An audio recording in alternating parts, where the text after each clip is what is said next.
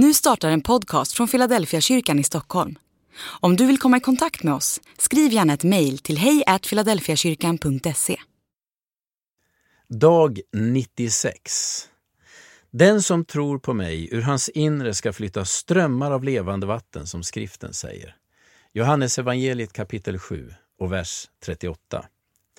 När Jesus talar om vad skriften säger så kan det antingen handla om att man ska få den helige Ande som en inre källa. Det är så våra svenska bibelöversättare har valt att tolka den grekiska grundtexten. Den som tror på mig, ur hans inre ska flyta strömmar av levande vatten, som skriften säger.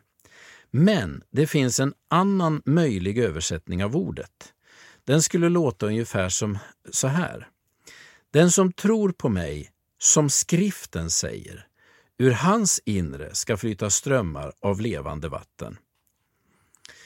Vad är det skriften säger egentligen? Handlar det om löftet att få del av Anden eller handlar det om Jesus-tron? Enligt min uppfattning är båda tolkningarna möjliga och riktiga. Det kanske till och med så att det är en medveten tvetydighet. Skriften vittnar ju nämligen både om Andens gåva och om Jesus. Låt mig ändå kommentera den alternativa tolkningen. Den som tror på mig, som skriften säger, ur hans inre ska flyta strömmar av levande vatten. Detta säger något viktigt om hur man får del av den helige Ande. Det handlar om att ha en Jesus-tro som är grundad i Bibeln. Man kan tro mycket om Jesus. Idag produceras nya Jesusbilder i böcker och media. Inte minst har de så kallat gnostiska evangelierna satt sinnet i rörelse hos både författare och filmskapare.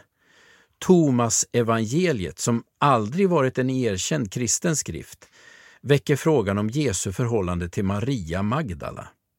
Kring detta har både Marianne Fredriksson och Dan Brown skapat sina litterära fiktioner. Utställningen Ecce Homo väckte stor debatt för några år sedan eftersom Jesus framställdes i situationer som det inte finns några belägg för i Bibeln. Det Jesus säger om förutsättningen för att få del av Andens gåva handlar om hur vi tror på honom. Vad ger näring åt vår tro? Och hur lär vi känna den Jesus vi tror på? Jesus pekar tydligt och klart mot Bibelns vittnesbörd som nyckeln för att få del av Andens gåva. Den som tror på mig, som skriften säger.